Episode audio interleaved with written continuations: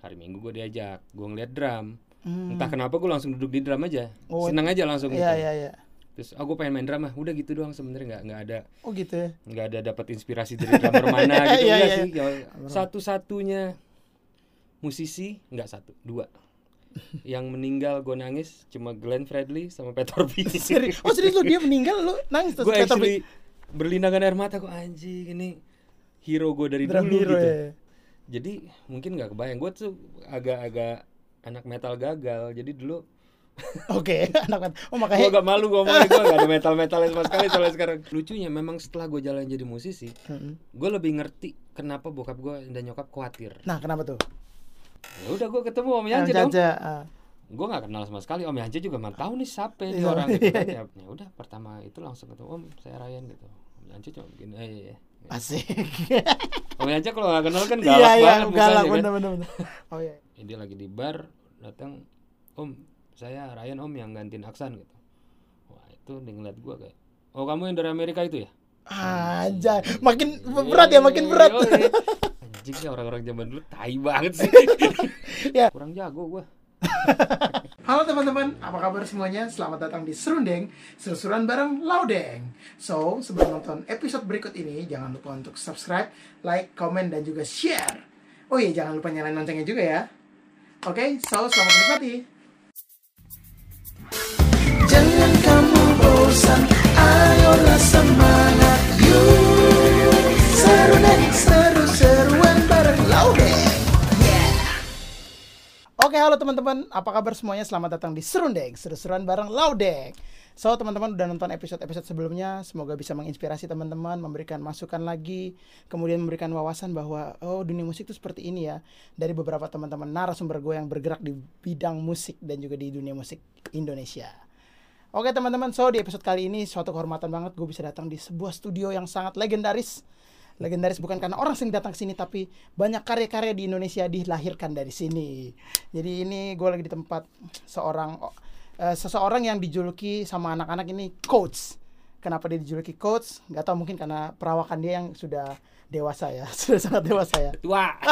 gue tadi mau ngomong gitu ya tapi gak enak jadi gue bilang gitu oke teman-teman so di episode kali ini suatu kehormatan nih gue akan bikin musik gitu gue sudah kedatangan seorang Rayendra Sunito Terima kasih. Keren mas terima kasih banyak sudah datang di Thank you, sebelumnya nih sudah juga lu datang. ah iya bener. akhirnya gue ngeliat nih karena di studio ini dua eh tiga sampai empat tahun terakhir belakangan banyak karya yang dilahirkan dari sini nih Alhamdulillah. dan juga banyak cuan-cuan berarti ya. gitu. Jadi Mas Ryan ini adalah seorang drummer, kemudian belakangan terkenal sebagai mixing engineer, produser, eh, lecturer, apalagi ya Mas? Lo Lecturer enggak sih? Enggak ya? Jangan, jangan. kan soal coach dulu dipanggil coach sama orang-orang, berarti kan lo pengajar gitu loh. Itulah yang manggil gua coach nggak pernah belajar sama gua juga. Sobat akrab teman-teman ya. Gitu. Nah, eh, lo sendiri lebih senang dikenal sebagai apa sih Mas? Sebagai seorang apa gitu? ah, gua nggak pernah mikir gitu ya. Apa aja sih manggil gua? Cuma pastinya kerjaan gua berhubungan sama musik ya, musisi Mm-mm. kali ya. Lebih ke musisi aja ya. Cuma mau orang man- ma- mandang gue sebagai drummer kah, engineer kah, tukang burger kah, terserah Oh iya, sekarang burger juga ya bener punya punya eh, usaha burger ya. Nah mas, biasanya gue suka nanya nih ke teman-teman narasumber gitu. Masa kecil lu sehingga lu bisa kenal musik tuh gimana sih mas? Awalnya? Ah, itu dari bokap. Oke. Karena bokap gue walaupun dia bukan musisi profesional tapi dia hobi lah. Jadi di Hmm. rumah tuh selalu ada gitar, ada bass, ada Oh keyboard. oke, lengkap dan ya? Ada, ya drum nggak ada tapi Oh, oke. karena nggak bisa naruh drum dulu. Ya, dulu. ya. Waktu gue kecil ya mungkin gue TK kali ya, lima tahun gitu. Oke. Nah bokap gue main gitar sambil nyanyi, kakak gue yang cewek kadang-kadang dulu main keyboard, Hmm, kakak gue yang laki main gitar. oke. Gue paling kecil kan. Iya ya. Suruh main apa lagi nih anak gitu kan gue udah jalan gitar kayak chord-chord palang gitu gue belum bisa kor kor. masih you know Iya, terlalu iya. berat terlalu berat berat berat. habisnya gue di disuruh main bass Hmm. disuruh main bass jadi gue kecil main bass sama bokap gue mainin Beatles Oh oke. bokap gue suka banget Beatles blues Mhm. sama Girl from Ipanema Asik, gitu gitu lah. asik, asik. Ya udah Gila, dari waktu situ kecil sih. udah, udah main gituan ya? Iya. Keren.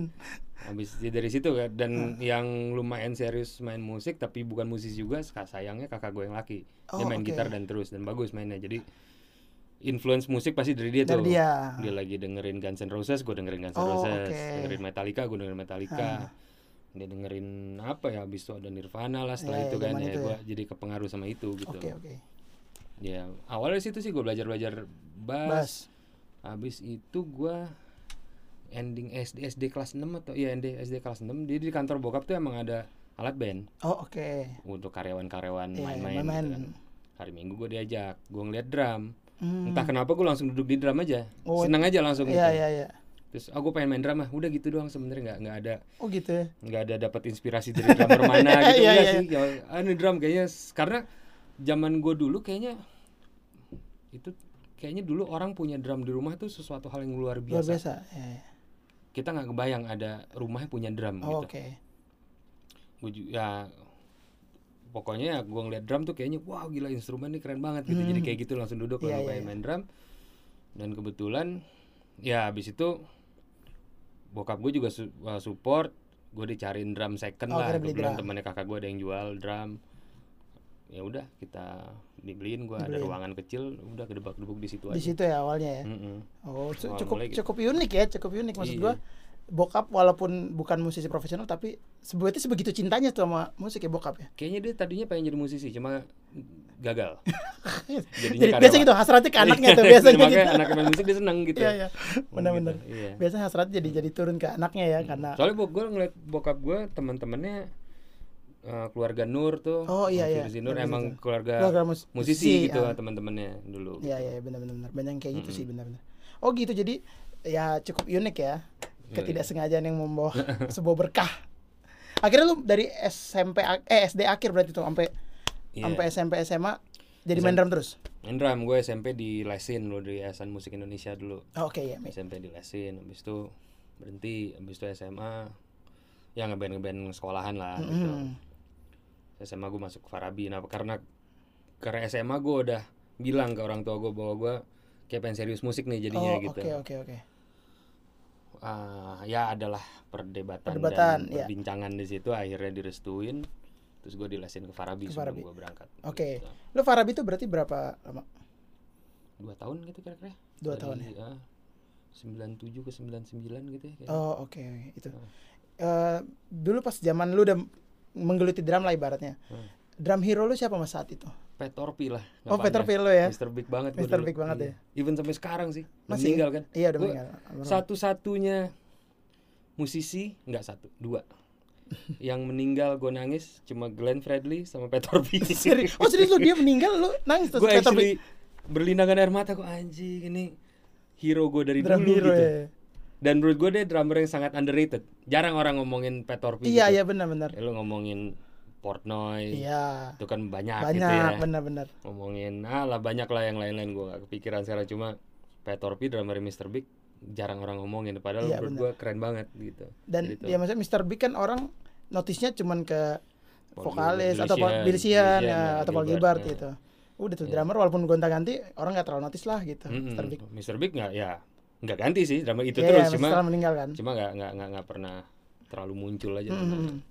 Benar. Iya oh itu sih. Peter Pelo ya.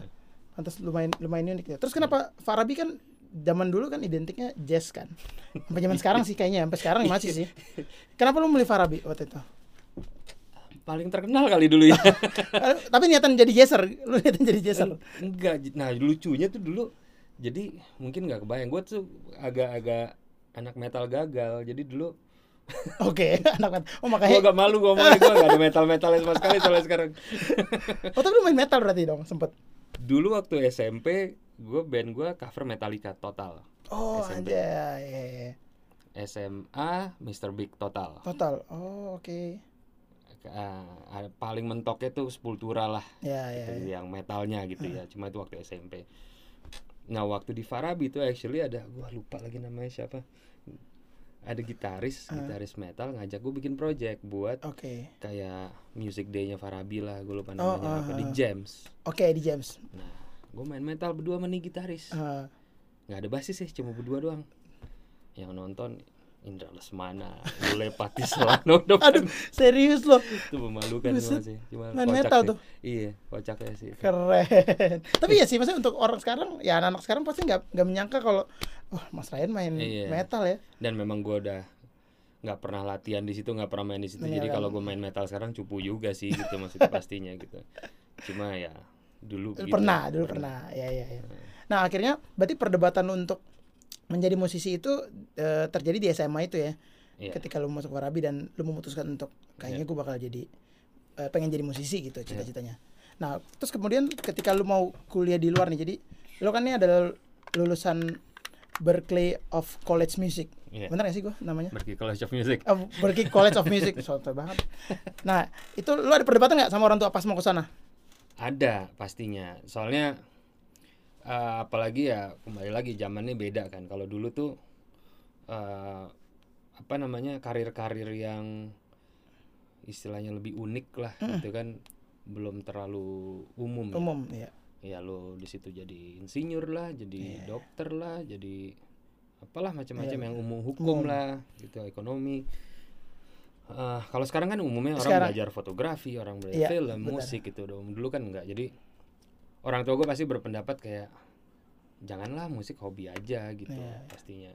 Cuma eh, ya kita ngobrol-ngobrol, bokap gue akhirnya ngomong ya akhirnya berdua lah bokap dan nyokap. Akhirnya ya udah kalau lu mau di musik tapi yang serius jangan tanggung-tanggung. Hmm, oke. itu buktinya serius apa ya? Kita ngincer Berkeley cuma Ber- Berkeley itu mahal setengah mati. Hmm, Eh, habis itu gua bokap cari-cari bokap gua nemuin ada nih sekolah di Malaysia yang punya Berkeley transfer program. Iya. jadi dua tahun pertama di situ Baru di sana. transfer plus di situ ada beasiswa untuk Berkeley. Oke. Nah kalau di Malaysia aja bisa nih sekolah. Cuma kalau kamu mau berangkat ke Berkeley ya lu harus dapat beasiswanya. Ya udah kalau buktiin serius ya lu kejar itu. Oh, oke. akhirnya pendek cerita gue dikirim ke Kuala Lumpur dulu lihat-lihat sekolahnya. Hmm, keterima. Kalau di Kuala Lumpur kan relatif nggak terlalu mahal lah sama lah ya. kayak di sini ya Hmm, sekolah. wah kampus swasta di sini. Hmm. ya udah gua ke Kuala Lumpur. Alhamdulillah gue bisa dapat beasiswanya gue jalan gitu. Oh, oke. Itu berarti tahun berapa, Mas? Lu kuliah. gue lulus 98 SMA itu Ah. gue nganggur dulu karena eh, tahun ajaran Malaysia tuh mulai di 9 eh, ta- awal tahun Oh, oke, nggak kayak di Kan- sini nah, ya, di tengah sini tahun. kan tengah tahun kan 98 tengah tahun pas kerusuhan tuh Iya benar, Nah. Mei Gua itu pas lulus, tengah tahun. yoi. nah 99 Januari gue baru Baru berangkat kuliah ke sana. ke Malaysia dulu Malaysia berarti dua tahun di sana dulu ya. Ya sampai 2001 2021. nyampe Amerika pas 9/11 Ah iya bener ya. September Kenapa lu ini ya momennya pas iya. pas berangkat kerusuhan di Jakarta pas nyampe Amerika pas 9/11 9/11 kacau ya? juga tuh iya Oh oke oke, tapi menarik sih perjalanan lo. Soalnya kan maksudnya waktu walaupun sekarang musik tuh udah lebih terbuka lah dibanding zaman lu. Mungkin zaman gue juga transisi-transisi tuh. Lu Tapi angkatan berapa sih SMA? gue SMA 2008 10 tahun kemudian setelah lulus Nggak jauh lah nggak jauh. Nah abis itu kan berarti tapi tetap lah maksud gue zaman sekarang pun walaupun musik sudah lebih global, cuman tetap masih ada mindset mindset ah jadi Betul. musik mau makan Cuma apa sih ya, lo? lucunya memang setelah gue jalan jadi musisi Mm-mm. gue lebih ngerti kenapa bokap gue dan nyokap khawatir Nah kenapa tuh? eh memang ya dulu kan kita masih darah muda ya Iya, bodoh gue ber- pakai iya. mau musik gue ini suka gue gitu cuma api. Kita lupa orang tua kita kan sudah pengalaman jauh lebih banyak daripada kita kan dan di di mata anak remaja itu ah, Ah, gitu iya kan. sama ya benar. suka lupa tapi memang benar kan maksudnya kalau kita mau ngambil aman hidup dengan aman ya bukan di jalur-jalur kerjaan lepasan gini pastinya Iya iya iya. ya kan Ya. tapi bukan berarti mana yang lebih jelek mana yang lebih bagus ya iya, cuma iya. ini pasti lebih Ya, naik turun naik aja turun, naik gitu turun. pasti. dan ya gitulah Ya, tapi ya itu pilihan kan. pilihan ya Benar-benar. Tapi tapi setelah berapa tahun lu akhirnya menyadari alasan-alasan Iya, bokap nyokap iya, lo ya. gue ngerti, iya. Kalau dulu nganggapnya ah nggak mau ah, ngapain bosan gue, emang musik lebih keren, lebih ya passion gue di sini, Iya, gitu. lebih iya. emosi dulu. Kalau Iya, jadi- iya benar. kalau sekarang oh gue tahu kenapa lu ngomong gitu, gitu. Iya, iya. Ngerti. Ini kalau dia ngomong gitu, gue wajar lah kenapa dia dipanggil coach ya. nah, Mas, habis itu lu berangkat ke Malaysia, terus habis itu mm, lu menginjakan kaki lah ke Boston. Yes. Eh, boleh cerita sedikit ya apa yang enak, apa yang nggak enak, gimana cara lu beradaptasi di sana? Kesan pertama gue nyampe ke Amerika itu, gue kan ya Amerika zaman itu gue cuma ngeliat dari film ya. Hmm, ya ya ya. dan menurut gua angkatan kita itu internet pasti belum ada YouTube belum Iya ada iya benar. yang ada tuh televisi swasta Televisi swasta, RCTI gitu iya. kan dan film-film sitcom sitcom itu semua sitcom Amerika, Amerika. ya kan MacGyver lah Iya, apa benar, Who's the Boss lah itu Amerika gitu kan Hmm. jadi gue ngeliat Amerika dari situ dan pada saat Nyampe. menjajakan Amerika gue terus terang kayak Amerika gini doang nih Serius tuh. iya nggak sebagus apa yang gue lihat Iya, di film nggak seindah di film ya. Nggak, itu sih kesan pertama gue lucunya Oh, oke. Hmm. Ah ya, cuma ya kalau lu ngomongin adaptasi dan segala macam ya pastinya beda lagi lah ya. Maksudnya budaya di sana apa plus minusnya. Hmm. Ya panjang kalau gue ceritain. Cuma Ya, ya. poin gue adalah eh, sebenarnya kalau kita punya kesempatan sekolah di luar Hmm. itu yang berharga. Kita Oh, ngelihat Oke. sisi lain dari belahan bumi Bulan ini bumi gitu. lain ya. Soalnya kalau kita ngomong dari ilmu, ya belajar musik do re mi fa sol la si do juga di sana juga sama, Sama, gitu kan. Sama. Iya, iya, Ya nggak ada nggak ada bedanya. Ada bedanya. Iya, apalagi kalau sekarang ya lu lu apa ya dengan adanya YouTube dan bla bla bla gitu. Terus dia berhenti loh. Oke. Nah, eh berarti nyampe sana lu ngambil majornya drum. Performance itu namanya. Oh, oke. Performance. Performance emang lebih ke instrumen lah. Heeh. Cuma jadi empat semester pertama tuh kuliah musik umum lah. Oh, oke. Jadi semua dapat harmoni, arranging, ear training. Heeh. semua dapat justru nggak terlalu nyentuh ke instrumennya di Oh, empat semester pertama benar-benar teori Nah, gitu ya. semester 6 sampai eh semester 5 sampai 8 baru lebih banyak ke instrumen instrumennya. Hmm. Berarti di Amerika tuh lu 4 tahun. Kan 2 tahun nggak sampai sih Jadi, mereka soalnya semesternya cuma empat bulan kan Oh, cuma oke. kayak catur Tri- bulan Trimester dulu. gitu ya. Heeh. Trimester gitu ya. Ya dulu namanya catur bulan Iya benar catur bulan. Sama, sama gue masih dapat cau. Tenang tenang gue. Gue masih dapat cau. Tenang tenang. Iya dan uh, biasanya orang Amerika atau mungkin negara-negara empat musim ya summer Hmm. mereka nggak ngambil kelas Oh, oke. jadi kalau summer kita nggak ngambil Ah. kelas jadi empat tahun Jadi tuh 4 tahun.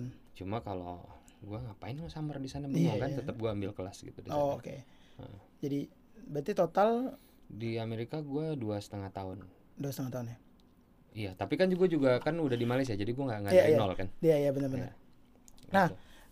Kalau ngomongin lingkungan teman-teman kampus gitu atau lingkungan Hmm. eh, dosen gitu, menurut apa yang membedakan di sana sama di sini? waduh apa ya banyak sih yang bedanya lebih ke budaya ya Oke. orang beda gimana ya dis kalau gue susah ngomongnya apa bedanya karena kadang gini bedanya Hmm. orang sana tuh lebih lebih pede dulu Oh, oke. kalau di sini kan lebih sungkan Terus sungkan, gitu, ya, gitu ya, kan. ya benar. kalau di sana tuh lebih nih gue nih gitu Oh, Oke. mau apa lu ada gitunya Gitu ya. gitu which Iya, is bisa jadi jelek bisa jadi bagus kadang-kadang ada yang iya. begitu tapi mainnya juga jelek juga ada Ada juga ya. Ah. Penting pede dulu ya. pede dulu tapi itunya udah di depan gitu Iya, iya. ada banyak yang kayak gitunya Eh, hal positif eh, misalnya contohnya gue ngeliat di sana tuh sebenarnya kalau kita lihat dari alat instrumen Hmm. alat pendukung musik itu sebenarnya lebih simpel daripada Indonesia Oh iya. iya kalau gue ngeliat misalnya kita datang ke kafe gitu Ah. sound system kafe di sana sama di sini bagusan di sini So iya. di sana jauh lebih simpel gue di kafe yang relatif ukurannya sedang Ah. itu jarang ada sound system. Gue main re- re- reguler di restoran gitu ya, Ah. jazz-jazzan. Ah. Itu drum gak di mic pastinya. Oh, Oke. Gitar, bass itu dari keyboard tuh dari ampli masing-masing. Ah. PA system cuma satu buat vokal. Vokal doang. Oh iya, gitu. nggak ada monitor. Oh Kita main wow. main di main di pojokan gitu, Iya, iya. gitu. Udah begitu dan cuma semuanya proper, nggak ada yang rusak. Oh iya. Kalau iya. menurut gua itu kadang-kadang- di sini. Heeh. nah, gue merhatiin itu karena gue juga kerja jadi kru panggung dulu. Jadi Di kan sana? Iya di sana kan Oh. kita bisa kerja kan. Iya iya. iya. pilihannya banyak Hmm. yang paling seru menurut gue jadi kru panggung dan hmm, di sana tuh ada empat zaman gue dulu ada empat hall Hmm. waduh ada empat hall dari yang kecil sedang Hmm. sedang sampai profesional nih Oke. yang paling gede Ah. kalau profesional nih hall sekolah tapi bisa disewa sama Oh, siapa pun siapa pun. Hmm. nah di tiga hall ini gue bisa jadi kru bisa jadi engineer Oh, oke. Gue di train untuk jadi Di-train. engineer live lah. Live. Yang di tempat gede ini hanya bisa jadi kru karena engineer udah engineer profesional. Profesional. gitu. Oke, oke. Nah di situ gue ngeliat di hall kecil itu sound systemnya semua sangat simpel mixer mixer kecil PA seadanya. Seadanya. Oh. Cuma ya itu kabel nggak nggak akan ada yang kresek kresek. Iya, iya. channel satu di situ di sini channel satu Nggak mungkin Jelas lah Jelas ya, routingnya. kabel lu kabel sepanjang 10 feet gantungnya di sini, Hmm. kabel 20 feet gantungnya di Oh, sini. Oke. Itu semua proper banget gitu-gitu Iya, ya. iya, Tapi iya. sebenarnya simpel semuanya. Iya, iya, iya. Even di hall yang paling gede. Nah, kalau yang paling gede ini sangat profesional. Oke. Tapi tetap nggak yang apa ya, yang normal-normal aja Iya, lagi. iya. Tapi gue pernah nonton konser klasik sampai metal di situ, semuanya bagus bunyinya. Oh, oke. Iya, iya. Karena ya itu, gue jadi kru di situ tuh di trainnya bener-bener ini monitor setelah main lu taruhnya di sini. Nih kabel ini taruhnya di sini, mic ini taruhnya di sini. Ada kabel rusak lu lempar ke box itu. Box itu. Langsung Oh. dibenerin. Monitor rusak lempar ke sini. Jadi semuanya tuh beres gitu. Iya, iya, iya. Itu yang gua pelajari kayak mereka actually simple tapi proper semuanya. Proper ya semua sistem barangnya pun juga. Kalau di sini kadang-kadang ah, banyak yang ngeliat sesuatu nggak beres, nyalahin merek barangnya, nyalahin barangnya kurang bagus. Kurang bagus, iya, ya iya, padahal enggak kok. Enggak ya, ya. Gitu bukan itu kadang-kadang. Itu yang gua tangkep sih. Iya benar-benar benar. itu itu bisa juga kita pelajarin untuk kemajuan di sini ya Heeh. show-show di sini ya benar-benar benar. Oh make sense gue baru tahu nih cerita itu tuh menarik juga sih mas benar-benar.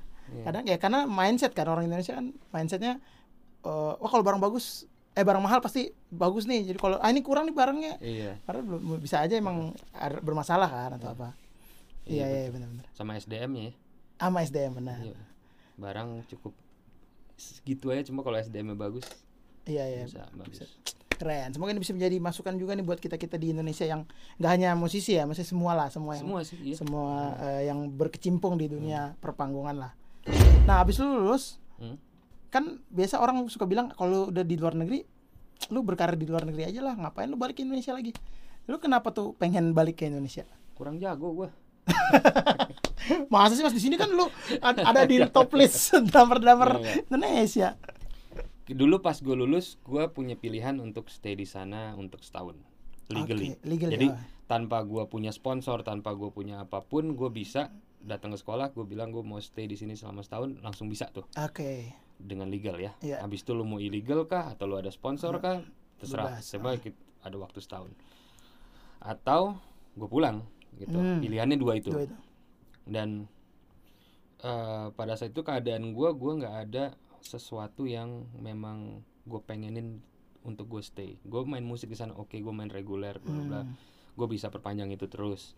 Cuma itu untuk hidup pasti nggak cukup. Hmm. Gue pasti siang harus kerja di restoran dan bla bla bla, Iya, cari iya. kerjaan lain yang ilegal sebenarnya nggak boleh. Boleh ya, benar. Eh mungkin setahun itu boleh, lupa lah.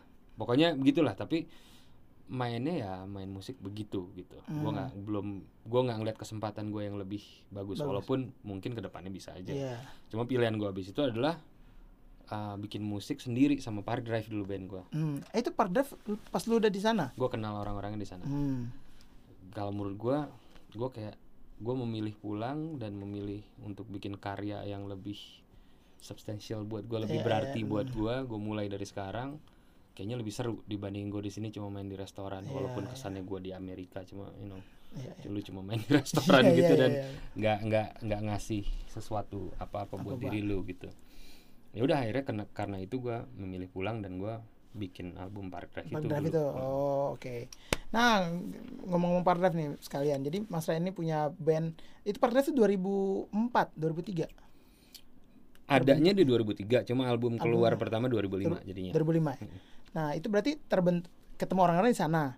Iya. Bentuk bandnya di sana juga. Iya. Oke, terus pas balik barengan gak sih balik ke Enggak. Indonesia? gua termasuk yang terakhir kayaknya Oh, pada kan balik. dulu ada gua Juno sama Mikuni ada Mm-mm. Ricky juga teman kita iya. Ricky Leonardi Gimana nanti? kalau nggak salah mereka udah pulang duluan gua yang terakhir Oh, oke. apa Ricky Ricky setelah gua ya gua lupa Rick pokoknya antara kalau lu nonton lupa ya, ya. Akhirnya pas balik, ya udah nih kita bikin eh, album. Ya Oh, oke. A- alasannya part dev itu terbentuk kenapa Mas? Apa cuma karena orang Indonesia lagi ada di Amerika aja kita bikin band atau awalnya sih gitu sih Oh, gitu aja. awalnya cuma enggak awalnya cuma lagi summer walaupun kita ngambil kelas di summer cuma Hmm. kan kelasnya tidak sesibuk biasa. biasa ah. Jadi tempatnya Juno tuh tempat nongkrong. Hmm. Dari nongkrong-nongkrongan. Terus si Mikuni penyanyi kita tuh sebenarnya anak Boston College bukan anak Berkeley, Berkeley. ah. Cuma kita kenal dari teman-teman kita Iya. juga si Larry. Dia sering nongkrong di situ Oke. nyanyi-nyanyi apa apa Iya, terus iya. akhirnya eh seru nih kita bikin-bikin lagu yuk. Akhirnya jadi demo kayak lima lagu gitu kalau nggak salah. Oh, udah ya udah masih jadiin sana, nah. ya, ya. Ya udah akhirnya dijalanin terus. dijalanin Ah. akhirnya. Terus secara genre gimana mas? Eh, nyatuinnya atau bikin aja gitu? Ya pastinya kan kalau kita nongkrong terus bikin lagu ada kecocokan di kita berarti kan ada kesamaan, Kesamaan. Kesukaan, kesukaan gitu lagu, ya kan dengan eh, ses- seleranya mirip-mirip lah gitu. Hmm. Ya dari situ sih. Oh. Genre-nya apa gue juga nggak tahu. Jazz-jazzan ada popnya, ada Iya ya udah udah bercampur lah ya. sedikit ya biasalah. Iya kan iya. nggak nggak bisa dikotak-kotakin Iya kan sih genre ya. Orang yang menilai ya. Mm-mm. Keren. Nah jadi Park Dev itu eh, 2005 ngeluarin album. Is- eh, Iya. Berapa track ya maksudnya? Mesti gue lihat dulu ya. Ah, Dua- sepuluhan, 10 apa 12 sepuluhan ya, gitu, kayaknya 10 sepuluh kayaknya atau 10 ya. Terus kemudian eh, ya pokoknya naiknya di lagu Biarkan kan. Biarkan ya. Nah, Biarkan itu kan yang sangat ikonik adalah solo drum lu yang sangat me- apa ya?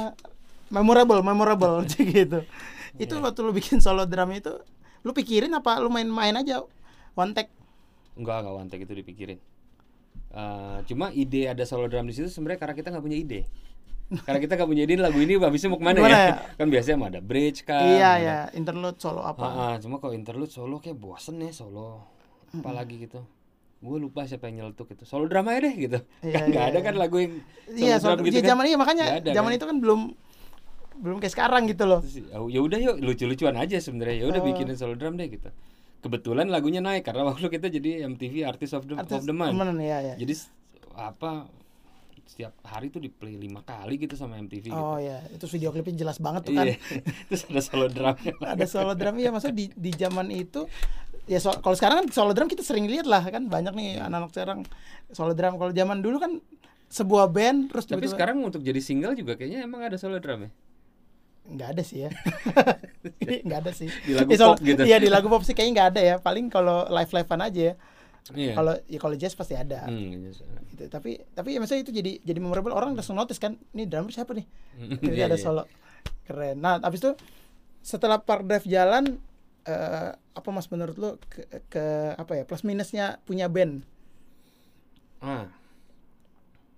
Jadi waktu Pargrave big ya kan gue pulang itu 2004 itu kan Pargrave belum gua album karena kita lagi mau rekaman, Masih gitu. rekaman. Tapi memang gua kan cita-cita gua jadi sessionist juga ada gitu ya. Jadi Hmm. selama kita tuh ngumpul di rumah Juno juga di di, di Di Jakarta tuh kayak tempat tempat ngumpul anak-anak lah di situ.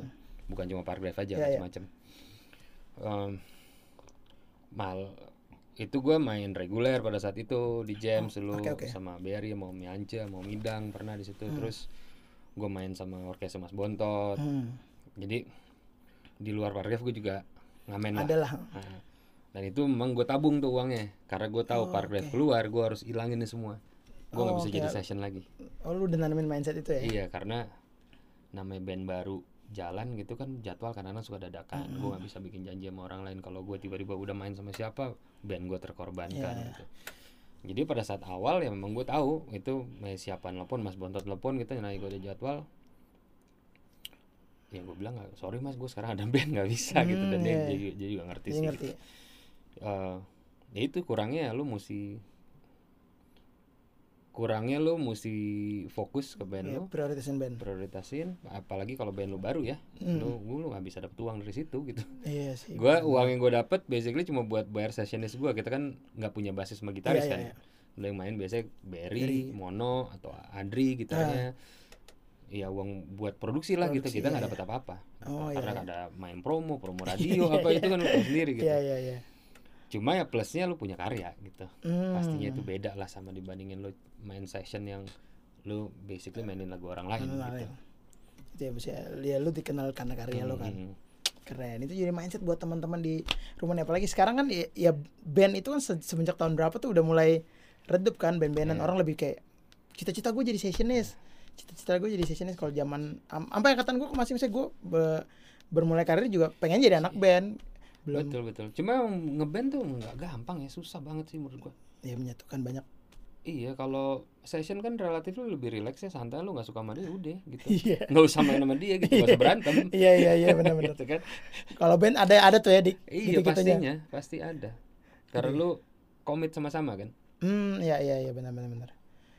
Nah, tapi waktu album pertama itu tujuan kalian tuh apa, Mas? Atau goalsnya lah? Nggak ada, beneran nggak ada goals. Pada saat itu goals kita cuma kita pengen bikin musik udah. Ya Hmm. namanya anak umur 24 25 gitu ya logis semangat semangat itu kan. Iya sih, itu gue basically tinggal di tempat Juno itu rekaman mau lagi mood jam 3 pagi rekaman nih rekaman Oh, gitu oke. udah nggak goals ke depan nggak nggak secanggih itu sih mikirnya waktu itu Iya, bikin belum ya, musik belum. aja iya bikin musik aja dan apa goalsnya pokoknya bikin musik yang paling lu suka dan Mm-mm.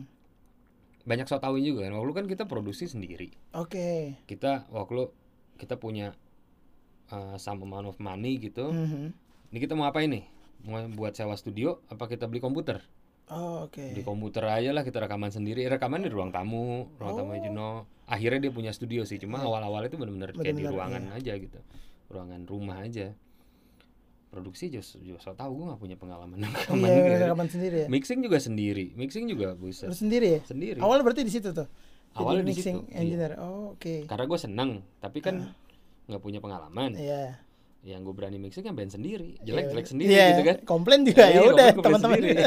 orang lain nggak berani gue mixing Iya, gitu. iya. mulai dari situ ya ya gitulah Berarti eh, apa-apa lu beli tapi mindset menurut gua oke lah maksudnya ma- mindsetnya daripada nyewa studio mending beli komputer soalnya gue emang pengen belajar waktu dulu belajar Oh, yang paling oke. baik kan dengan dicemplungin langsung dicemplung langsung bener-bener soalnya kalau kayak teori-teori rekaman apa gue dapat di sekolah, dapat sekolah. cuma you know lu harus ngejalanin biar lu Iya tahu sih, gitu kan sih, cuma tahu teori doang Iya. Cuman ada satu yang menarik buat gua. Apa karena kalian ini adalah lulusan luar negeri jadi mindset kalian udah bisa kali kita rekaman sendiri karena zaman dulu nggak tahu ya apa kalau menurut gua kayak orang Indonesia pasti mikirnya mending nyewa aja lah ngapain sih lu rekaman sendiri apalagi belum terlalu belum yang bisa langsung bikin Hmm. proper banget gitu kalau menurut gue sih bukan masalah luar negeri ini ya enggak Enggak ya? kalau menurut gue sih minatnya aja kebetulan kan memang Oh, gue oke. memang the process process of making music tuh emang gue seneng gitu Hmm. bukan cuma playing music, Music aja doang. tapi proses bikinnya gitu Oke. produksinya rekamannya nulis lagunya itu gue seneng gitu jadi Iya. Hmm.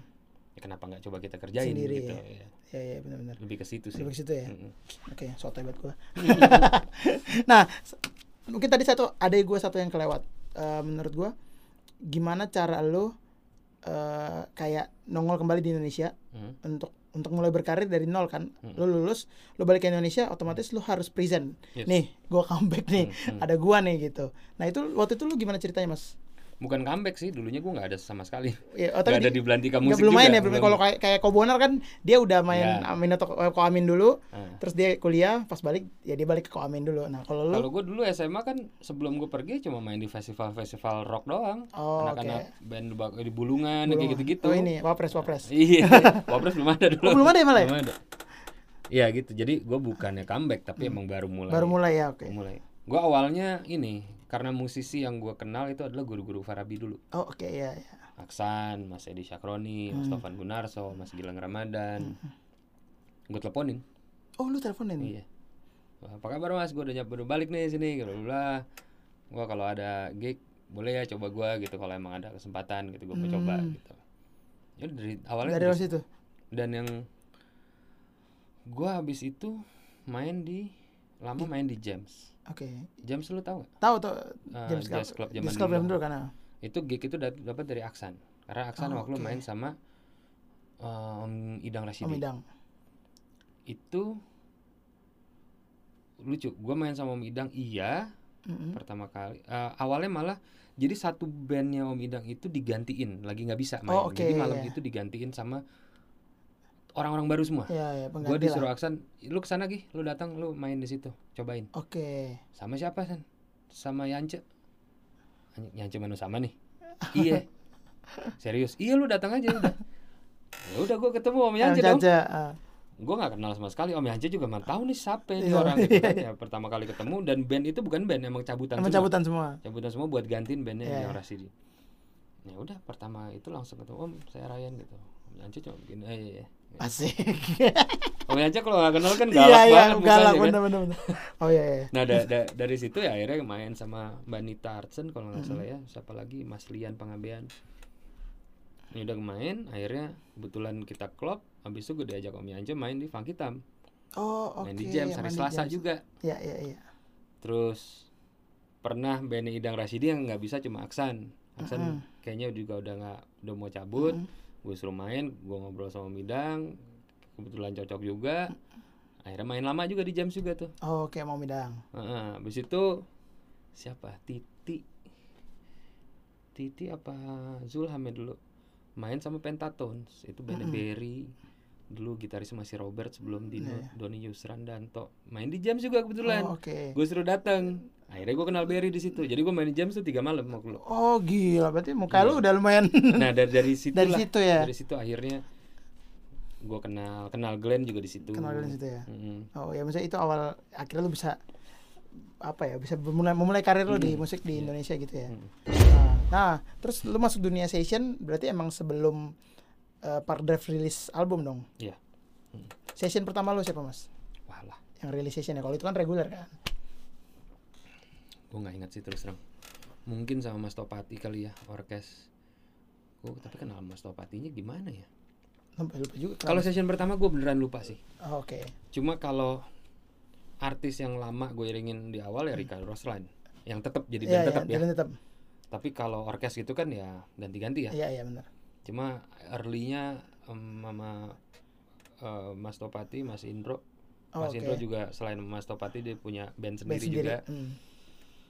itu sih Itu awal-awal ya. cuma gue nggak tahu itu yang pertama apa enggak Gua oh juga iya, iya. pokoknya awal-awal lah ya, Ah, iya. awal-awal. Nah. Oh, Te- Terika juga ya awal. Terika yang solo. Terika Solo dari tahun 2004 itu Terika sempat keluar dari The Groove Mhm. dia bikin album Bikin album. nah itu gue diajak karena gue kenal sama Ali Akbar Oh, oke. Ya ya. Ali ya. Akbar karena dulu ada jam session di studio Mas Indra sama Aksan di Pondok Pinang gue sering datang ke situ jadi ketemu Oh, jadi orang-orang ketemu situ ya. apa Nikita eh, Ali Akbar Mas Agam Mat oh Om Mates gue ketemunya di bapaknya Jesse Bapaknya sih. ketemunya main sama Midang sama Mates Oh, oke. Jams. Ya ya. ya. Ya begitu ya. Hmm. Eh, pengalaman lu untuk masuk maksud gua kan oh, benar lu lulusan luar negeri cuma kan untuk lu masuk nyampe Iya. Gua- Indonesia pertama kali ketemu Midang itu deg-degan banget karena kayak sama kan Aksan bilangin gua gua ma- main di Four Seasons lu gantiin gua ya main Oke. sama Midang ya udah gua kan nggak kenal siapa Idang Iya, Rasidi eh gua lu kenal tahu eh, cuma gua nggak kenal pribadi gua pribadi ya. tahu Idang Iya, iya. Rasidi gitu iya iya. dia nggak kenal gua ya gua datang ya dia lagi di bar datang Om saya Ryan Om yang gantiin Aksan gitu wah itu dia ngeliat gua kayak oh kamu yang dari Amerika itu ya Aja, makin berat ya, makin berat. Yoi. duduk duduk duduk ya ya om ya duduk Anjir. itu Iya iya benar. jadi emang bener pada saat itu label sekolah Amerika Berkeley di kepala gue tuh malah bikin gue berat Iya. karena iya. ekspektasi orang gue pengen lihat lu main kayak gimana Iya iya. jadi ada gitunya gitu Iya sih benar benar benar. malah gue lu nggak usah tahu deh gue sekolah dari mana gitu kita main bareng dulu aja Iya gitu iya. ya. Iya benar benar. kalau gue jelek ya maaf kalau gue bagus ayo kita Iya, terus iya. gitu Sedangkan ini lu ada label lulusan luar negeri nih. Iya, malah malah bikin berat sebenarnya. Karena lu di musik kan lu nggak peduli lu dapat lihat ijazah nggak Iya, peduli. nggak peduli. Yang penting lu enak apa enggak mainnya gitu. Iya, iya. gitu. Main di lapangan gimana gitu. ya. Gila sih keren banget. Nah menurut lo yang membedakan nih mas, ini banyak juga su- suka nanya Hmm. soal session player kan, karena tadi balik lagi gue bilang angkatan sekarang look up to-nya tuh udah session, udah nggak band. Kalau zaman gue masih, gue pengen main musik karena pengen ngeband kan, pengen jadi anak band nih, pengen ya zaman gue Salon Seven, Dewa segala macam. Sedangkan zaman sekarang anak-anak sekarang tuh look up to-nya kayak gue pengen jadi session ah, pengen jadi ini. Nah menurut lo yang membedakan eh, how to be a session zaman du- lu sama zaman sekarang apa mas? Nggak nggak ada kali ya. Maksudnya Tetap sama. kalau how to-nya Poinnya. sih kayaknya sih sama ya kita tahu lah apa yang gue sering ngomong lu gampang diajak kerja sama di Mm-mm, bidang iya. apa pun itu ya. Ya lu mainnya harus bagus, lu orangnya harus asik, Iya, lu iya. harus reliable orangnya gitu kan. Dari zaman dulu sampai sekarang sih sama. Sebenarnya sama aja ya. gue lihat tapi gue lihat musisi zaman dulu tuh lebih gila-gila daripada anak zaman sekarang anak sekarang menurut gue lebih baik-baik sih menurut gue Gila-gila gila-gila dalam jangan gue ceritain nanti Ka- enggak gue soalnya waktu lu kan bener gue kaget tuh pas nongkrong di James gitu sama senior senior Ah. Senior. gitu kan ceritain gitu mereka ketawa-tawa tentang kejadian zaman dulu iya iya. anjing ya orang-orang zaman dulu tai banget sih Ya, nakalnya tuh iya, iya. gokil gitu Iya, iya. Nah, sekarang Iya. alim-alim ya. relatif relatif menurut gua manis-manis Iya, iya, iya. walaupun ya pastinya Pasti ada lah. semua lah cuma relatif oke lah gitu ya itu yang lumayan membedakan zaman dulu sama zaman sekarang ya. dulunya tuh di atas gua lagi ya bukan Iya, iya, zaman iya, gua ya iya, iya, di atas iya. gua lagi 80-an tengah tuh yang Iya, udah iya. jadi sama segitu mungkin kalau kita ngomong sama Mahari Anggomana Iya, iya. ya di situ eranya Iya, dia iya, tuh iya, Bener-bener. Maksudnya kalau sekarang kan kalau kayak zaman lu mungkin tadi lu bilang lu harus kontak siapa yang lu kenal, terus lu datang ke mereka main gitu. Kalau zaman sekarang kan sudah ada sosial media, ya intinya kan sama lu approach orang kan. Iya, approach. Abis lu approach lu harus approach dengan bener. ben, ya ya. Lu nggak bisa kayak ya kayak tadi approach gue approach Om Idang. Om Hmm. Idang reaksinya gitu. Iya, iya. Gue bilang, iya om gue yang dari Amerika, gue dari Berkeley, gue lulusan cum laude gitu. Mati gue, tendang gue langsung. Ya kan? Mungkin Iya, begitu iya, lah. iya. Lu tahu posisi dia, dia Idang Rashidi, gue bener gue dari Amerika. Cuma gue anak piik nih, serang gitu. Iya, iya. Santai aja gitu. Iya, iya. bener. Sa- itunya sih sama aja gitu kan kalau sekarang lu kontak lewat caranya mungkin Iya, lebih modern medianya, ya medianya. medianya beda cuma sama aja sama sih. aja ya. Heeh. Nah itu itu tadi jawaban singkat Mas Ryan tentang how to be a session player di zaman sekarang ya karena banyak banget dan maksudnya pasti lu juga share- sering sharing soal itu kan kayak tadi gue bilang orang tuh sekarang lu up to-nya pengen jadi session, pengen drummer misalnya pengen jadi kayak lu gitu kayak kayak siapa karena beda ya udah beda zaman lah zaman dulu pengen ngeband sekarang ya jadi session udah jadi suatu pencapaian lah cuma mungkin bedanya ini kali kalau dulu kan ada menurut gua ada bagusnya ada jeleknya hmm. kalau dulu kenapa mungkin kita nih look up ke band karena Ya. session player gak bakal kelihatan iya nah di TV yang lihat tuh cuma penyanyi Iya, iya, doang iya. bandnya mau diumpetin di belakang lu lihat sosial media iya nggak ada iya gitu iya kan. benar-benar Kalau sekarang siapa pasang drum cam, Iya, ini iya. pasang drum cam, lu bisa ngeliat, wih gokil nih orang keren banget. Eh. Lu jadi melihat uh, mu- uh, profesi itu menjadi profesi, yang keren. keren iya, iya. Akhirnya lu jadi pengen juga, gue pengen Oh, iya, iya, gitu, iya, benar, gitu benar, kan. Lu bisa ngeliat itu, apa behind the uh, stage-nya juga bisa lu lihat gitu Mhm. semuanya. Kalau dulu kan ya TV. Iya, Ya orang zaman dulu kalau kita, kamu apa? Saya musisi. Kok nggak pernah kelihatan di iya TV? benar-benar Ya. benar-benar Gitu kan, gitu iya, ya. benar-benar musisi kan nggak seharus nggak nggak harus selalu di TV, Di TV, gitu. tapi dulu begitu yang Iya, kita iya. lihat ya Dewa Padi, Padi. Salon Iya Seven iya benar. The Groove Iya ada bro. Iya benar-benar mindset mindset orang dulu tuh jadi musisi harus nongol di TV ya. Nah, Kalau video belum- klip, Iya ya, video klip. iya, Kalau iya. kalau belum nongol di TV kayak ah musisi musisi apa nih gitu iya kan. yoi kalau sekarang aksesnya ke mana-mana Aksesnya ada banyak ya. Sim- ya ya gitulah Iya iya iya. Nah kemudian lu masuk di eh, band pengiring Glenn Fredly itu di tahun 2000 berapa? Mas? 2008 eh 2007 2007 ya. Nah mungkin yang buat, eh, maksudnya cerita itu pasti banyak lah. Mas Hmm. Ryan ada band pengiring Glenn Fredly yang dinamakan Baku Cakar dari 2007 sampai 2020 berarti ya terakhir ya. Hmm. 13 tahun tuh mas ya. iya Baku Cakar sendiri 2008 sebenarnya Oh Baku Cakar, nama Baku Cakarnya. Iya. Berarti masih formasi lama. pas gua masuk masih Berry, Berry. Hmm. Irwan Simanjuntak, Rejos masih ada Oh iya masih oh, Hmm. Religius ya. Nah, terus kan seiring berjalannya waktu, lu dikenal sebagai orang suka bilang eh, musik direkturnya Glenn Fredly lah. Hmm. Itu gimana ceritanya mas? Sejak kapan? Terus gimana prosesnya sampai akhirnya lu jadi kepala geng, kepala geng. Kalau music director enggak lah, kalau music director menurut gua lu bertanggung jawab terhadap aransemen semuanya gitu. Kalau di Hmm. Glenn aransemen kita kerjain bareng-bareng gitu. Gua band leadernya lah. Oh, Oke. Band leadernya ya karena awal gua masuk 2007. Jadi gua main sama Glenn sebenarnya udah dari sebelumnya, cuma sebagai penggantinya Nyong. Oke. Dari 2005 Ganti-gantian ya, 2006 ganti-gantian. gitu gua pernah main sama Glenn sekali gitu. Cuma mulai tetap tuh di 2007, 2007 tengah atau akhir gitu. Oke. Nah, nggak lama setelah gue main di situ, oh, Irwan Simanjuntak keluar. Hmm, oke. dari Liku Mahua keluar. Keluar. Nah itu menurut gua dua pentolan di band itu. Oh, oke. Sehingga dengan keluarnya mereka dua orang ini bandnya kacau. Oh, oke. Oh, ada fase itu ya? Ada. Oke, oke. Bandnya bingung nih. Iya, iya, iya. Leadernya nggak ada soalnya. Hmm, iya, iya, iya, benar. Nah, lu mau main lagu, lagu yang mana ini terus nentuin janjian apa sih? Nggak ada. Semua tunggu-tungguan kan. Oke, iya, iya, iya. Nah, gua ngomong sama Glenn, Glenn kayak band lu. Nah, abis ya band lu kayak perlu ada yang mimpin nih. Gua lu bilang yang paling lama di situ udah ada tuh Dinut. Oh, yang oke. masih stay. Masih stay. Dinut aja kali gitu atau gua gua nggak gua nggak gua ngomong gitu terus nggak lama Glenn ngomong balik lu aja Dian lead bandnya ah gua gitu kan relatif baru ya ya pendek cerita gue iakan Hmm.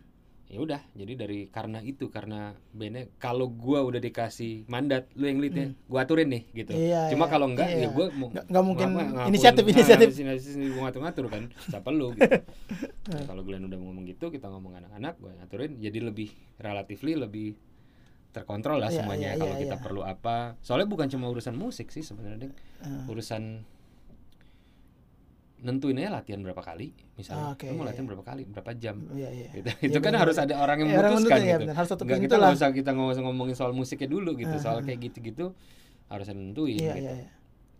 Ya sebenarnya itu. Dari situ ya Mas ya? Mm-mm. Berarti itu 2008 itu. Eh, 2000 berapa? Eh, 2007 pet- pet- ya penunjukan 7, 78 lah. 78 itu ya. Soalnya di situ belum ada Haringoman, belum ada Bonar, Oh iya benar. benar. belum ada Rifka. Yang ada cuma gua Dinut, Niki, Bung Kena tuh udah ada. Oh oke. Nah sering berjalannya waktu apa suka dukanya mas jadi band leader Bako Cakar? Ah, jadi band leadernya ya? Iya kan? Kan lu mau dia Ya p- pastinya lu punya tanggung jawab lebih ya. Hmm. Kalau ada ketidakjelasan gitu pasti anak-anak nanya ke gue "Ya, nih begini kenapa nggak gini gini Oke. Lu jadi mesti mikir lebih lah. Tapi memang ya itu tugasnya, Tugasnya. gitu kan. Gue nggak sekarang nggak kepikiran sebenarnya hal-hal hal-hal di luar musik yang yang kita mesti pikirin gitu kadang-kadang kita mesti ya kayak tadi nentuin latihan nentuin uh, Songlist gitu lu, lu juga. song list uh, banyak dari Glenn cuma disesuaikan gitu kadang-kadang kayak misalnya mau awal konser Mm-mm. uh, Glenn gue pasti ketemu sama Glenn kebetulan rumahnya deket kan Iya iya. Dia nyusun songlist kalau dia nyusun songlist banyak banget gitu pasti kan Oke Dia iya iya. "Glenn, ini kita konser dua jam iya ntar kita kita hapus-hapus saja gitu.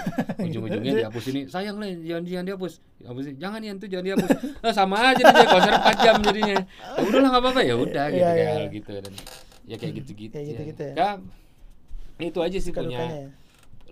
deg-degannya lebih aja kalau di panggung Hmm. ada sesuatu yang nggak beres itu pasti Iya. gue merasa yang lebih bertanggung, Bertanggung jawab, jawab. gitu. Iya iya. ada masalah antara kru dan kita gitu kayak you know lu jalan segitu lama kan kadang ada. Iya, iya, ada iya. ada jenuhnya ya Iya, gitu ada kok kita di panggung misalnya anak-anak kru kok kayak kurang perform nih Hmm, kenapa iya, ini iya. belum beres adanya gue yang harus ini in- inisiasi kayak eh kita ngumpul yuk bareng-bareng yuk kita Oke. ngobrol yuk itu sering tuh Iya iya. kayak Glennnya gue bilang Glenn kayak itu kayak gue bilang kayak kadang-kadang Glenn gue mau meeting sama anak kru anak band lo jangan ikut dulu ya kayak gitu Hmm. biarin kita dulu aja Iya, iya. nanti kita ngobrol bareng habis itu biar kita beresin dulu nih Iya gitu. iya iya. kalau ada yang nggak beres juga Glenn suka ngomong "Weh, ini kok ini begini sih gitu Hmm. gitu ya habis itu ya gitulah kita ngobrol sama anak-anak kru keluhan mereka apa kenapa yang kita keluhkan ke Apa, mereka ah. apa kayak gitu-gitu ya harus inisiatif dari gua kalau Iya, kayak iya. gitu Gila keren. Ini Hmm. ini gue juga baru tahu nih maksudnya sebagai band leader itu kan apalagi tadi bilang banyak hal teknis di luar musik yang iya akhirnya lu pikirin juga gitu. Hmm. bukan akhirnya memang itu Emang gitu. itu harus lu pikirin karena untuk kelangsungan dan juga maksudnya kan orang kan lihatnya begitu perform wah keren banget ya musik apa segala macam eh, performnya spektakuler sempurna gitu tapi kan di balik sebuah itu lu punya tanggung jawab untuk Iya. menghandle perintilan-perintilan pendukung nih ibaratnya makanya kalau dibilang MD gua terlalu berat gitu kalau MD Hmm. karena ya itu kalau MD kan lu Aransemen total. Kalau. Glenn aransemennya semua spontan di studio latihan kebanyakan. Oh iya. Kebanyakan Glenn bilang kayak eh lagu ini kita bikin begini yuk. Ya udah habis itu kita mikir tuh. Ya tetap nah kalau di musik Ah. mungkin gua lebih ngatur alur kali ya. Oh oke oke. Misalnya gue bilang om coba om hari coba main agak gini om gitu. Ginian iya gitu. Terus yang lain punya ide ini punya Hmm. ide gua yang lebih kayak oke ntar lu ntar lu. Ini kita pakai ini dulu habis itu ke sini oh cuma oke gitu gitu oke. Lu, Kayak lu ini ya eh, jenderal lapangan tengah nih kalau main bola nih. Lebih ke situ tapi Iya, iya. ide itu datang dari semua Dari siapa orang. aja. Oh, Nah, oke, oke. jadi bukan cuma dari gua pastinya. Benar-benar. Lo jadi yang ibaratnya pintu terakhir raja terakhir ya. Jadi kalau ada ide semua ditampung di lo nih. Iya. Iya. Iya benar-benar benar. Nah itu bisa jadi masukan juga buat teman-teman mungkin yang punya grup atau punya band emang kebutuhan leader di sebuah band itu penting ya mas. iya sih karena group of people ya kalau masing-masing punya jalan sendiri ya susah Jadi- juga Iya iya benar-benar. Hmm. Nah berarti kalau di Pardev juga lu one of band leader juga. Decision Ah. decision gitu. iya kalau Parklife tuh gua sama Juno kan Ah, ya, Juno. basically kita produce musik bareng-bareng Iya iya. cuma kalau sisi live-nya lebih gue yang pegang lebih gue Hmm. Oh, yang oke. atur ininya cuma Juno nya pasti punya lot to say juga di Iya, situ iya, iya, gitu iya. Iya, iya. Keren. Ini juga masukan buat gue juga nih, Mas. Nah, sam- terus berapa tahun setelah itu sambil lu session, sambil lu uh, Pardev juga, lu kan masuk ke dunia mixing engineer yang maksudnya orang akhirnya tahu lu as a mixing engineer Iya, gitu. hmm. Tadinya kan cuma drummer yang bisa mixing kan. Iya, iya. iya. Hmm. Nah, itu awalnya tahu sih emang gitu ya. Nggak tahu juga sih. Kalau orang manggilnya apa gue nggak tahu. Iya, maksudnya sekarang kan orang udah ya rilisan eh, apa tuh rilisan New Friday Music di Spotify kan udah pasti tuh mixing by, mixing by, mixing by gitu. Iya. Ryan Sunito, Ryan Sunito. Nah itu kan pertama tadi lu bilang eh, lu mixing Park Drive. Iya. Terus yang membuat itu berkelanjutan itu apa mas? Apa karena emang lu akhirnya senang juga untuk melakukannya? Gue rasa iya dan konsistensi kali ya. Oke. Karena emang dari dulu gue tuh seneng seneng pertama gue seneng uh, dengerin musik dengan sound yang bagus lah. Dari Hmm. itu dari gue kecil sebenarnya. Oh oke. Dari gue SD ke SMP tuh gue seneng speaker speaker bagus Oh, gitu. Lu udah notice itu ya? Udah notice itu dan walaupun paling punya bokap gitu Iya, iya. kan. Gue dapat uang gue dapat uang apa ya ulang tahun apa lu sedikit gue coba beliin ampli hi-fi gitu Oh yang gitu. Wah. yang dulu tuh orang punya CD player di kamar itu mewah sekali. Iya iya Jadi iya itu susah impian kan. gue, gue pengen punya CD player, gue nabung, akhirnya gue bisa beli CD player Oke. dengan speaker ya pelan-pelan. Jadi emang gue punya ketertarikan. Ah, ah.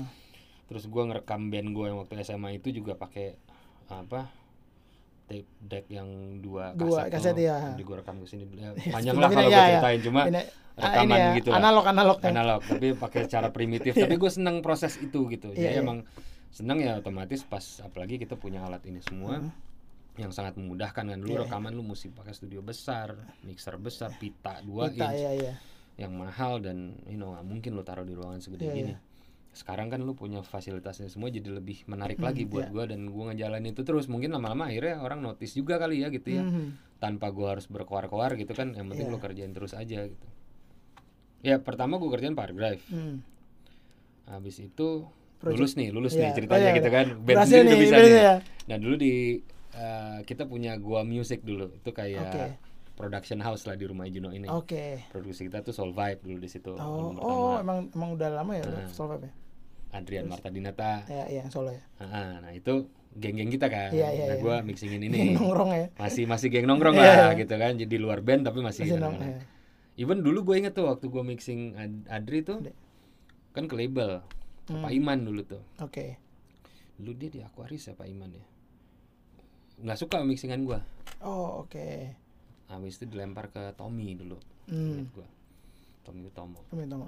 itu gua kayak aduh wah gimana ya gua bukan nggak gitu ya lu mixingan nggak nggak nggak ada dagingnya nggak tebel gitu apa lo nya kurang pak bukan masalah lo nya kurang gua nggak ngerti Nah. gua udah pusing deh itu udah hubungan Iya, sama orang lain kan Iya, iya, iya. ya kayak gitu udah mulai kayak kayak waduh ini gimana ya gitu dia revisi revisi revisi mulu sampai gua juga bingung gua mau ngapain lagi gitu tapi Iya. itu proses Proses belajar iya gitu benar. habis itu ya ya gitulah Akhirnya sam Hmm. ya tapi maksudnya setelah itu masih ada lagi kan yang order masih di ya, luar tongkrongan di luar di luar tongkrongan. tongkrongan akhirnya mulai ada Iya, gitu kan iya. yang gue beranikan diri ya banyak lah kayak batu batu bukan batu sih rintangan kayak komplainnya Pak Iman dulu kan Hmm. ya which is gue dengerin sekarang ya, ya bener juga sih Ya dengan cuma pada saat itu gue tidak mengakui loh maksudnya masa mixingan gue jelek? Iya. cuma lu harus turunin Turunin ego lu nih orang udah pengalaman nih Iya, iya, iya. gitu walaupun menurut lu dia salah cuma ntar dulu lu analisa dulu Iya, nih iya, kenapa iya. sekarang gue baru bisa ngerti oh ya kenapa dia ngomong kayak gini dulu Iya, iya, itu iya. perlu proses kan proses ya benar-benar. lu kadang-kadang ngerjain sesuatu dikomplain sama orang kayak enggak ini udah bagus kok Iya, iya benar. cuma lu lupa orang itu udah puluhan tahun nih ngejalanin ini Ah, gitu. iya, iya.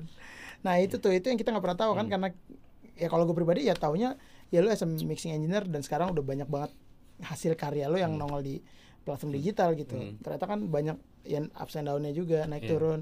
Apalagi berarti lu belajar sendiri mixing itu atau lu sempet sekolah yang gue sempat bela- ya kayak gue bilang di Berkeley ada sih pelajaran dasar ya, Dasarnya. jenis mic kayak normal kondenser ya basic lah. dynamic terus EQ kompresor apa cuma akhirnya kan harus hands on ya harus megang sendiri harus nyobain Mhm.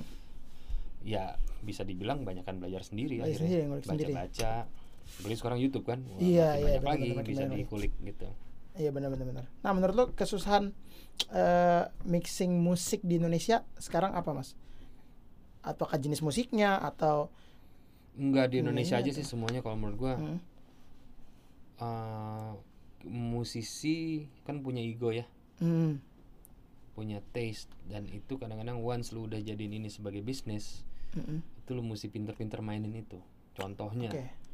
gue mixing lagu gue nggak suka sama lagunya Nah, itu bisa gitu kan. itu berat maksudnya berat lu harus harus switch kepala lu kayak oke sekarang ini kerjaan lu anggap ini kerjaan Oke. tapi lu tetap harus profesional lu harus tetap ngelakuin sebaik mungkin lu bisa walaupun hati lu nggak di situ hmm, ya. unless lu mau jadi musisi yang idealis sekali gue terima data gue nggak suka lagunya sama orang Oh, lain ya. aja. itu nggak apa-apa kalau emang lu milih jadi musisi kayak gitu nggak apa-apa banget Iya, iya.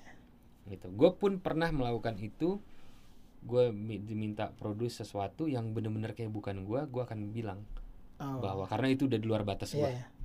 gue bilang jangan sama gue deh karena gue ya gue cari alasan yang Iya, lebih iya, manis iya, lah gitu iya. ya. Pokoknya gue nggak ini lah jangan sama gue deh. Iya, iya, pernah gue melakukan itu karena udah lewat batasan. Cuma batasan itu kan lu sendiri yang nentuin. Tentuin benar. mau lu mau sempit idealis banget atau lu agak lebarin dikit apa lu mau lebar total apa pun lu hajar. Iya, iya, iya. ujung-ujungnya kalau ini bisnis ya tergantung. Lu lagi butuh uang apa enggak ya, kadang-kadang fair-fairan gitu kan. Ya. kadang-kadang kalau lu lagi butuh uang ya udah sini gue kerjain gak apa gitu kan. Kadang-kadang Iya, gitu. Kalau lu lagi santai Iya. lagi lagi aman nih semua Lagi kuat "Ah, ya." salah itu Lagi kuat banget. ya itu normal Iya, iya, iya. cuma iya. ya itu lu ngerjain sesuatu yang lu nggak terlalu suka kadang-kadang harus lu kerjain dengan sebaik mungkin tetap Iya, iya. karena kalau lu ngerjainnya setengah-setengah mendingan nggak usah Hmm, ya. nama lu yang jelek jadinya Benar-benar. Kan nama lu kan akan ada di Ada credit situ, title ya. iya. ya benar-benar. Nah, itu tuh e- ego ya. Maksudnya ya itu ber- bermain musik as a player juga kayak sama, sama iya eh, ya jadi engineer juga sama ya. Gua sa- malah salah satu yang berhenti gua main di orkes orkes TV itu salah satu itu kalau Oh, ini oke. kayak gua belum pernah cerita nih? Mas? gua nggak nggak usah cerita nama orang dan judul lagu lah pokoknya Oke. gua duduk di satu orkestra latihan Hmm. gua dapat satu lagu lagu slow lagu bagus Oke. dari band Indonesia Hah. tapi di atas ada tulisannya disco Oke. tanya dong sama ranger Ah. Mas ini lagu ini bener kita mainin disco udah main aja ya orang TV-nya suka wah drop gua langsung di situ Oh. menurut gua lagu itu nggak deserve di disco situ. Oke. nggak nggak gitu cara maininnya Iya, iya. itu ego gua lang- anjing nih gua main kok lagu bagus-bagusin bikin disco itu gua Lu eh, bergo- bergejolak iya, ya, bergejolak gua, ya. anjing nih jelek nih jelek banget terus pada suka lagi goblok lu suka gitu kan Ini kenapa lu pada suka sih gitu? Iya. Oh iya. ada kayak gitu Ada jadi kayak gua gitu ya. Ini gua setengah-setengah nih gitu kayaknya Hmm, kayak gua nggak di sini nih gitu ada gitunya sih ada gitunya. ya. Hmm. ya bener daripada kan jelek ya daripada gue marah-marah mood Iya, gue iya. jelek apaan sih lu main kok marah-marah Iya, gitu padahal iya. buat orang lain biasa-biasa Biasa aja, gitu aja. santai aja main cuma agak susah tuh waktu itu di gue Iya. entah kenapa Oke. gitu mendingan gue ngiringin dangdut sekalian Iya, emang iya. dangdut, Dangdut. kalau siapa misal Inul gitu Iya, ya zaman itu lagi ya udah dangdut Iya, iya. proper Emang lagu dangdut. serius gitu kan nggak yang ini dijadiin disco gitu Iya, iya, iya, iya. Ya itu ego lah balik lagi. Iya. ya. Sedangkan di posisi lu saat itu mengharuskan ya ego lu benar-benar iya arrangernya pun so soalnya oke kan. itu dia jangan so-soan loh Iya iya benar-benar. Tapi ya benar jadi jadi seperti yang gue bilang makanya orang kan orang di luar musik melihatnya jadi musisi ya udah musisi gitu. Hmm. Tapi begitu kita masuk ke dalam dunia musiknya banyak banget kan eh, banyak banget apa ya kotak-kotaknya gitu. Jadi kayak kita bisa milih gitu. Kayak tadi Mas Ryan mau milih main di orkestra dengan segala macam plus minusnya, Hmm. mau jadi engineer, mau jadi session player gitu. Yoi. Jadinya begitu sebegitu luasnya ya. Iya. Akhirnya lu memutuskan untuk udah deh gue nggak bukan gara-gara itu total cuma itu mem- itu Salah bi- satunya. bikin drop gua kayak aduh malas gua main di Hmm. tempat ini gitu bukan tempat ini bukan karena orang-orang orangnya ya ya. karena sifat kerjaannya seperti itu Ya ya ya. ya. Iya. Jadi membuat lo ah kayaknya nggak lu ya. Ah, iya. Gila menarik banget ceritanya nih. Nah kalau terus balik lagi ke mixing mas, lu berarti prosesnya adalah misal orang nawarin lo, mas, gue mixing lagu sama lo, lu dengerin dulu lagunya baru oke, eh baru dealing baru oke, atau lu deal dulu baru oke baru terima lagunya? biasanya kalau mixing gua nggak terlalu gua bisa kontrol ego gue sekali kalau mixing Oh oke. karena gue tidak menaruh ide musikal gua gimana ya kalau mixing kan lu pokoknya eh, poin gue mixing adalah apa pun yang dikasih ke gua gua akan balikin sebagus mungkin gue bisa Oke. secara sonic quality iya. gitu ya tapi bukan konten musiknya gue kan tidak meng-create konten Iya. musik ya jadi gua eh, mixing tuh biasanya apa aja gue hajar No, Karena oke. beda di kepala gue tuh beda mixing tujuannya beda ya, ya, kalau kalau produce aransemen beda sama mixing Beda gitu. mixing, itu iya. kalau ada konten musik dari lu Iya, yang iya. lu masukin ke situ jadi kalau mixing biasanya kasarnya lu sanggup bayar sini gue kerjain Ya ya ya benar benar. kasarnya Jadi gitu ya udah lah gitu. jadi ya. dealing aja dulu dealing Iya. ya pastinya ya kalau soal harga kita ngomongin Iya. macam-macam lah harga temen lah ada yang saya ada yang profesional ada yang itu panjang lagi cuma Iya, iya. maksudnya ya kayak lu bilang ya deal terima data udah Iya ya terima gitu. Hmm. Gitu. Jadi buat teman-teman yang mau mixing di Mas Ryan bisa langsung eh, lu ada manajer ya, manajer yang ya. bisa langsung DM aja nih at Ryan Rasunito. Bener kan? DM Yoi. Banyak juga yang dealing-dealing pas eh, dari DM gitu maksudnya bukan DM dari banyak. bukan dari WhatsApp doang gitu. Hmm, Banyak kan? banyak. Gitu. Jadi bisa langsung nih karena nama dia sudah eh, ya 3 4 tahun belakangan nongol terus di semua kredit title YouTube teman-teman musisi di Indonesia ya. Amin. Cuma gua aku mau curhat dikit soal Oh ya, YouTube tuh. kenapa tuh? Untungnya kalau relatif musik-musik sekarang yang Hmm. produsernya anak-anak muda, artisnya juga anak-anak sekarang itu bagusnya. Kalau lu lihat credit title, Ada nama lo. bukan. Oke. Ada nama credit title musiknya. Oh iya. Produce, Produce eh, main ngisi siapa? ngisi siapa, mixing siapa, mastering siapa, manager apa segala macam. Rekor di mana? Kalau artis justru artis luar lu lihat, Hah? yang ada tuh kredit videonya. Iya iya iya benar-benar. Sampai orang wardrobe ditulis. Iya, iya, Tapi benar. yang Musik, musik. Uh, produce by siapa nggak ditulis. Iya iya. Masuk akal menurut gue itu kan konten musik ya. Iya iya iya benar-benar. Kadang-kadang justru anak-anak sekarang yang di Indonesia, Indonesia. nulis. Iya iya benar-benar. Kalau lihat coba lihat ya di YouTube artis-artis luar tuh justru malah nggak nulis. Dan artis-artis kita yang gua nggak tahu bisa dibilang artis label besar apa enggak. Gua nggak tahu lah. Cuma Mm. jarang kayak gitu ditulis. Malah orang video sampai asisten kameramen gitu tulis nggak masuk akal tapi di musiknya lu nggak tulis sama sekali gitu. Iya iya gitu iya. gua curhat gua tentang video musik di Musik di- YouTube. Iya iya iya benar. Justru yang eh, indie-indie yang Iya, sendiri mulai ditulis malah lebih dihargai. lebih semua. harga ini ya. Eh, k- kredit videonya juga pasti harus ditulis Iya gitu iya kan. benar. Cuma biasanya musiknya nggak ada. Jangan sampai dilupain. video. Iya iya benar-benar. Nah itu tuh buat teman-teman yang lagi rilis-rilis tuh harus di di bukan sebenarnya di, di ditunjukin siapa aja yang terlibat di dalam proses Soalnya pembuatan. kita sekarang udah nggak ada kaset kan, udah nggak ada CD. Iya nggak bisa baca ini ah, ya. Informasi kita kan dari bukletnya kan. Dari bukletnya, Sekarang bener. kita pengen informasi di situ nggak ada juga di YouTube gitu. Iya iya benar-benar. Di Ini siapa nih ngisi gitu? iya di Spotify, Apple Music juga gue juga nggak ngerti kenapa nggak ada. Iya Spotify nggak ada benar-benar. Cuman ada written by sama Iya. produce by doang. Padahal bisa kalau dibikin kan. Iya iya bisa Bisa. bisa bisa bisa. Benar. Nah itu ya semoga ke depannya lebih baik lagi ya itu bisa di adjust Iya, lagi iya. ya. Karena maksudnya tetap kita harus menghargai siapa aja yang terlibat di dalam produksi musik tersebut kan. Iya, iya, betul, betul banget. nih. Keren. Ini ngobrol sama Mas Ryan ini menambah wawasan, menambah gue kayak merasa eh, ya lima tahun lebih tua lagi lah. nah Mas, biasa gue suka tanyain ini nih ke teman-teman yang lain nih. Jadi kan eh, banyak juga teman-teman yang tadi gue bilang pengen jadi musisi, pengen jadi session player, sedangkan eh, mungkin mereka baru mau masuk atau mungkin udah nginjekin kaki, cuman bingung kan begitu masuk ah ternyata musisi tuh luas, ada yang bisa mulai dari band wedding dulu, bisa Hmm. mulai dari band reguler dulu. Nah mungkin eh, tiga suka dan tiga duka menjadi musisi versi lo mas. Masa banyak banyak, tiga banyak banget. Ya udah dua setengah, dua setengah, ya dua juga boleh. Duka sih tadi misalnya Hmm. ya kadang-kadang di awal lu impian bermusik lu kayak lu pengen main musik yang lu suka, ego lu segala Hmm. macam padahal pas saat itu sudah menjadi pekerjaan lu, Mm-mm. musik itu bukan hobi lu lagi gitu. Lu kehilangan Oke. sat- salah satu hobi lu yaitu bermain musik. Bermain Dulu musik. kan hobi. Iya hobi, bener. Kalau sekarang itu menjadi kerjaan, Kerjaan. lu gitu. A- alhasil lu musik kompromi dengan ego lu sendiri. Itu Hmm. lu yang nentuin sendiri. Kalau kayak Iya. tadi ya gue batasi kira-kira di Iya, situlah cerita gue tadi. Iya, Cuma iya. kadang-kadang as simple as lu mau create musik, lu mau jual musik, tapi musik lu nggak ada yang suka. Hmm. Lu mesti adjust taste lo. Oke. Kalau lu nggak mau ya udah terserah. Lu nggak usah jualan, lu bisa terima lu nggak jualan, lu suka-suka lu ya, ya nggak apa-apa juga. apa-apa ya.